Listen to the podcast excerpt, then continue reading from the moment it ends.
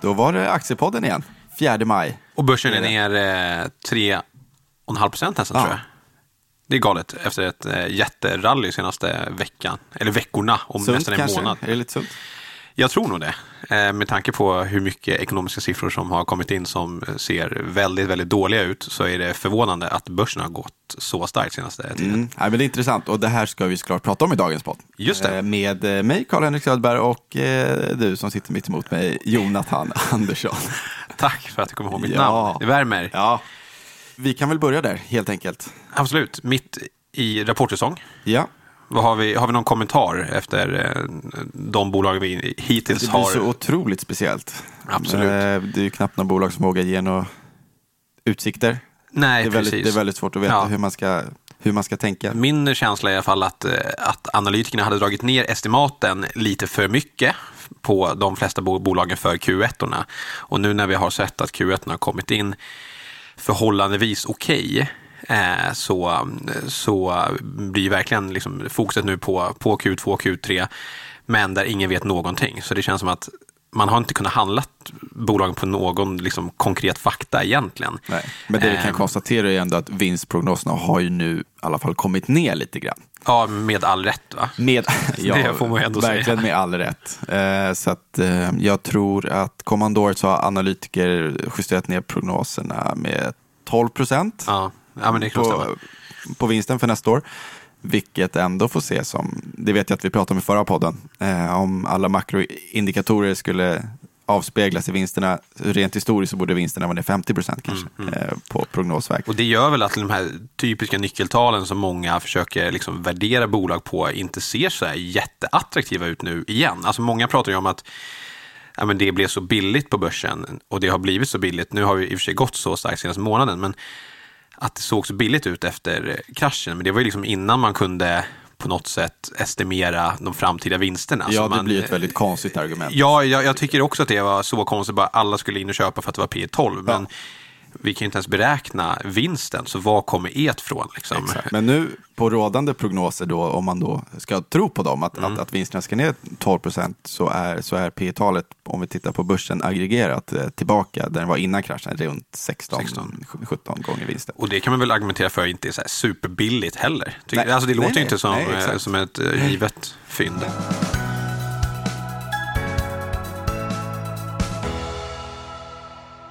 Varför är börsen ner nu då? Ska vi gissa att det är lite vinsthemtagningar? Folk har dansat nära utgången, tar hem lite snabba vinster. Absolut. Och eh, triggern kanske blev att eh, Trump var ute och mm, vevade lite. Verkligen. Eh, nej, men han, Hot om nya tullar mot Kina. Det är Precis. Kinas fel det här. Ja, det, nej, men det är väl en, eh, en ganska stark konspirationsteori fortfarande också som eh, fluktuerar där ute. Mm. Att, att eh, kineserna då Men de anser att de har lite mer belägg nu. Ja, men deras- precis. Ja, men det är ju då att, eh, att coronaviruset kommer från ett laboratorium i Wuhan, eller hur man nu uttalar det exakt. Eh, Och då är det Mike Pompeo, vad heter han, eh, som menar på att det är väl... Är det utrikesministern? Ja, Ja. precis. Jag tror det. Att det är en kvinnlig, eh, jag vet inte om de var läkare, forskare är det väl mer antagligen, som eh, har då sökt asyl i Paris hos den amerikanska ambassaden och då menar de på att det finns dokument som eh, ja, tydliggör att det då ska komma från ett laboratorium och inte från fladdermöss. Och hon, jag, jag tror att hon är någon forskare på just coronavirus hos fladdermöss. Det finns någon sån. Men det, är, det ska ändå tilläggas att det är en konspirationsteori. Jag tycker att det är, ibland så ser man i media, jag läste det under helgen här, att det är typ Aftonbladet får det låta som om det är bekräftat. Liksom. Det är fortfarande inte så. Eh, Men, Men- det, men det kan nog ha eldat på den här debatten. Och eh, framförallt för Trump som eh, måste gå in i ett val och skylla på någon, känns det som. Eh, och För vi då- ska komma ihåg, ingen president har blivit omvald när USA befinner sig i recession. Just det, och det Och kommer det är han de väl medveten om. Ja men, ja, men så är det ju. Och han vill väl då hitta en syndabock Ja. när de nu kommer gå in i recession, vilket de kommer göra. Så vill han ju gärna ha någon att skylla det här på, så att han kanske kan få bli omvald. Mm. Eh, men helt klart så har det blivit tuffare för honom. Eh, det, det. det. kändes ju som att sannolikheten, eller risken får man se det, var ju betydligt bättre åt hans favör tidigare. Liksom. Mm. Eh, det har ju eskalerat på nedsidan för honom. En till anledning till varför börsen faller idag Shoot. såg jag är faktiskt för att eh, kreditvärderingsinstitutet S&P har reviderat ned eh, utsikterna för Nordeas kreditbetyg eh, från, från stabila till negativa, mm. vilket då har bidragit till att hela sektorn är ner 5% och eh, banksektorn är ju ganska tung, OMX30. Ja, det måste vara i alla fall 15-20 procent tror jag. Att, nästan. Ja, någonting. Så där har vi nog också en förklaring.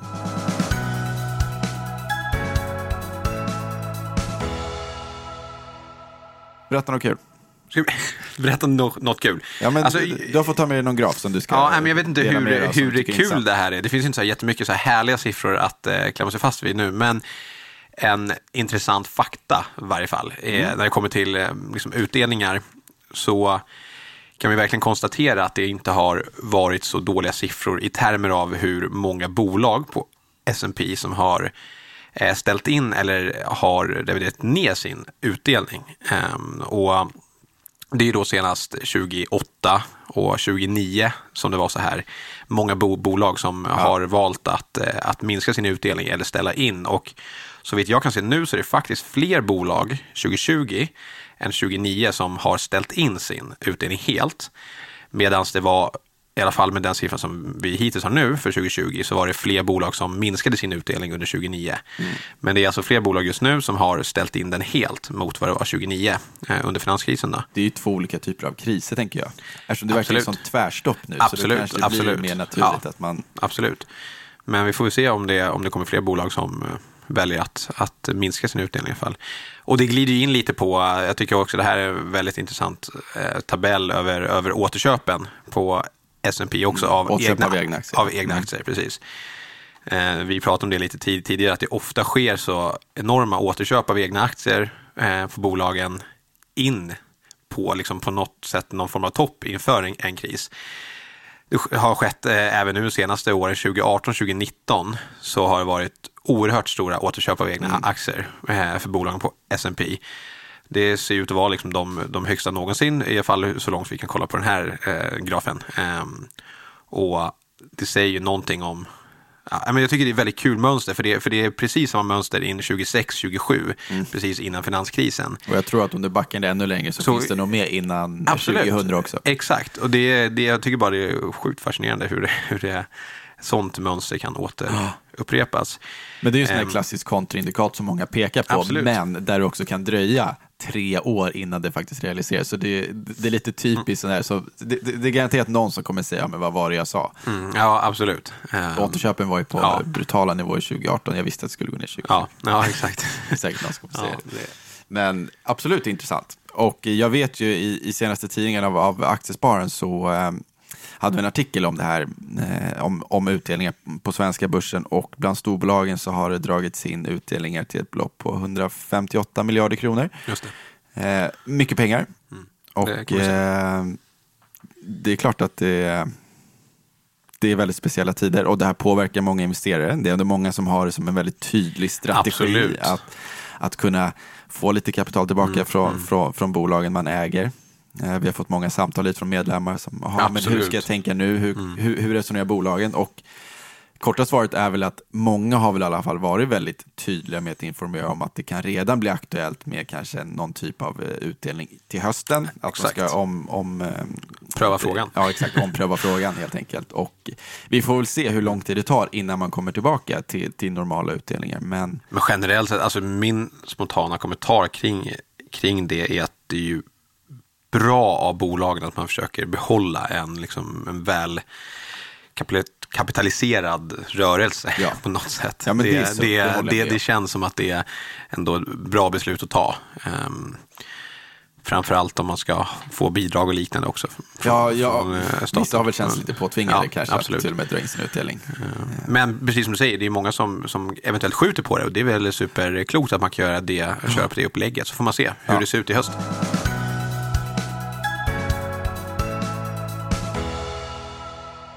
Har vi något mer kul? Berätta. Nu är det din tur.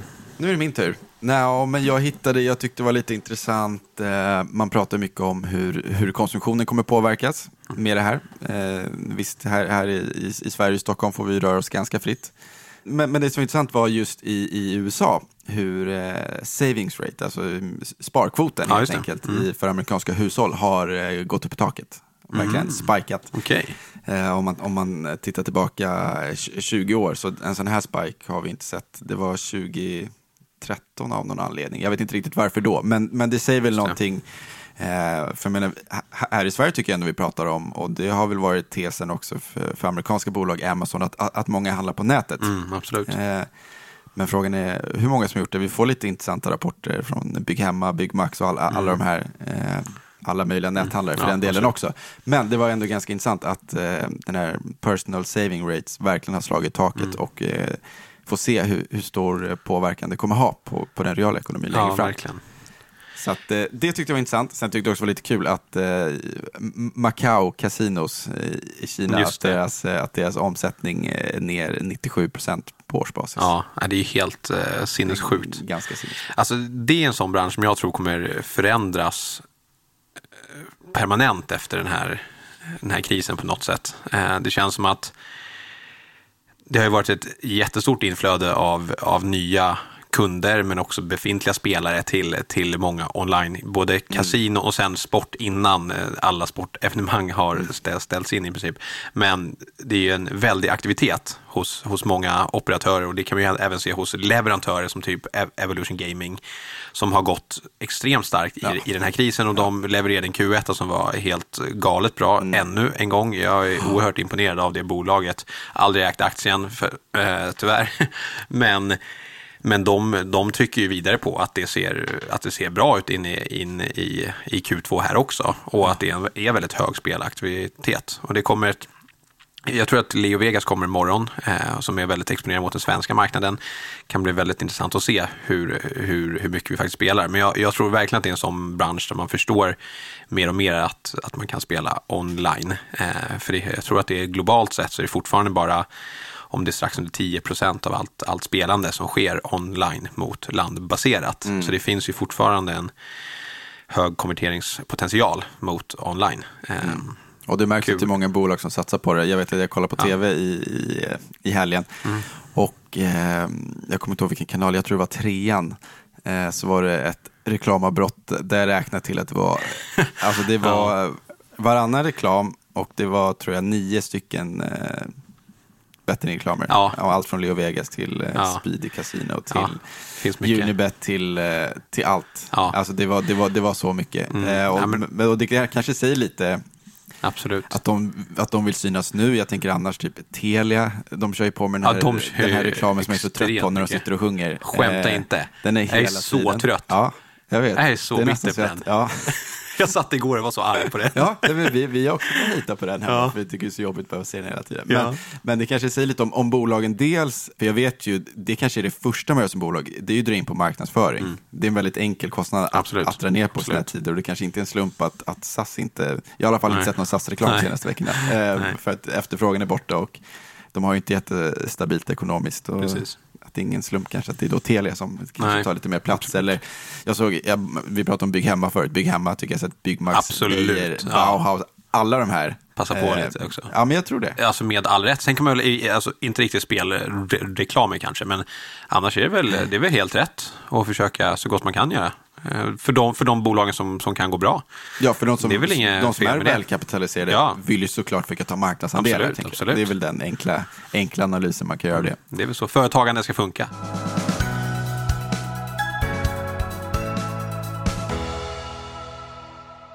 Vi har ju en korta portfölj också. Ja, just det. Eh, jag tänkte, det var länge sedan vi pratade om den. Får jag bara fråga hur det har gått för er i år? Jag har, jag har inte riktigt kollat senaste. Eh, det, ja, i, I år så har det varit eh, tufft som för alla andra. Men eh, vi har hållit oss eh, några procent bättre än index. Mm. Eh, Det är bra. Så i dagsläget så är vi väl eh, 3-4 procent bättre. Vi hade ju en enorm överperformance innan corona. Då fick ni hybris. Ja, då var det jättekul. Eh, men, men sen var det tufft. Men Yes. vi har väl lyckats göra några bra stockpicks här på, på senaste tycker jag. Saab blev en, blev en fullträff. ja. Eh, upp eh, 23 procent på, på några veckor. Eh, Midsona kom en väldigt bra rapport, så den har också performat bra. Eh, vi var inne på, på byggrelaterat. Eh, Lindab Mm, har vi ägt länge och jag tycker det är ändå ett väldigt intressant bolag som kom en Q1 som var helt okej. Mm. Man lyckas bibehålla sin, sin rörelsemarginal relativt väl trots, trots vikande efterfrågan, vilket känns positivt. Och eh, på något sätt känns det som att det borde finnas en underliggande efterfrågan Ja. som lever kvar. Just det här med ventilation och sånt. borde de har ju precis ganska- Försvinna. bred exponering va, tror jag mot, mot just typ dagligvaruhandel i Europa Ja, ja. Eh, som står under den transformeringen på något sätt att man måste eh, sköta kyl och eh, ventilation. Nej, men exakt. Så det- det borde finnas. Så, ja, men så den tycker jag ändå ser fortsatt, ser fortsatt intressant ut. Även om den har eh, kommit ner som, Mm. som allting annat. Så var den en, en rapport som jag tyckte var helt okej. Känns som ett kvalitetsbolag faktiskt man kan plocka Ja, in men eh, de, lite. de har börjat i alla fall växa till sig till ett Absolut, kvalitetsbolag. De var inte det för några år sedan, eh, men de har gjort rätt mycket operationellt och jag tycker att det ser, ser, ser bättre ut. Lundin Gold här har gått, eh, gått väldigt bra. Guldpriset har ju, har ju varit väldigt, väldigt starkt här. Jag Ja. tror att det kan ha fallit lite senaste dagarna. Men det har, Ja, det, det det har ju varit eh, starkt Ja. ehm, under egentligen hela året. Får man, då- om man sätter jämförelsen mot börsen i alla fall. Så, Ica ska vi ta med också. Det blev också ett väldigt bra köp. Det, det var bra timing på den.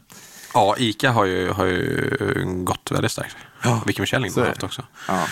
Det här var väl en eh, ganska bra och snabb eh, summering av läget. Eh, Jag tycker det. Det finns ju inte så mycket att, alltså, Jag tycker det är bara en, i princip dumt att försöka estimera både prognoser eller exakta siffror på, på liksom hur, hur det kommer gå närmaste två, tre, fyra kvartalen kanske.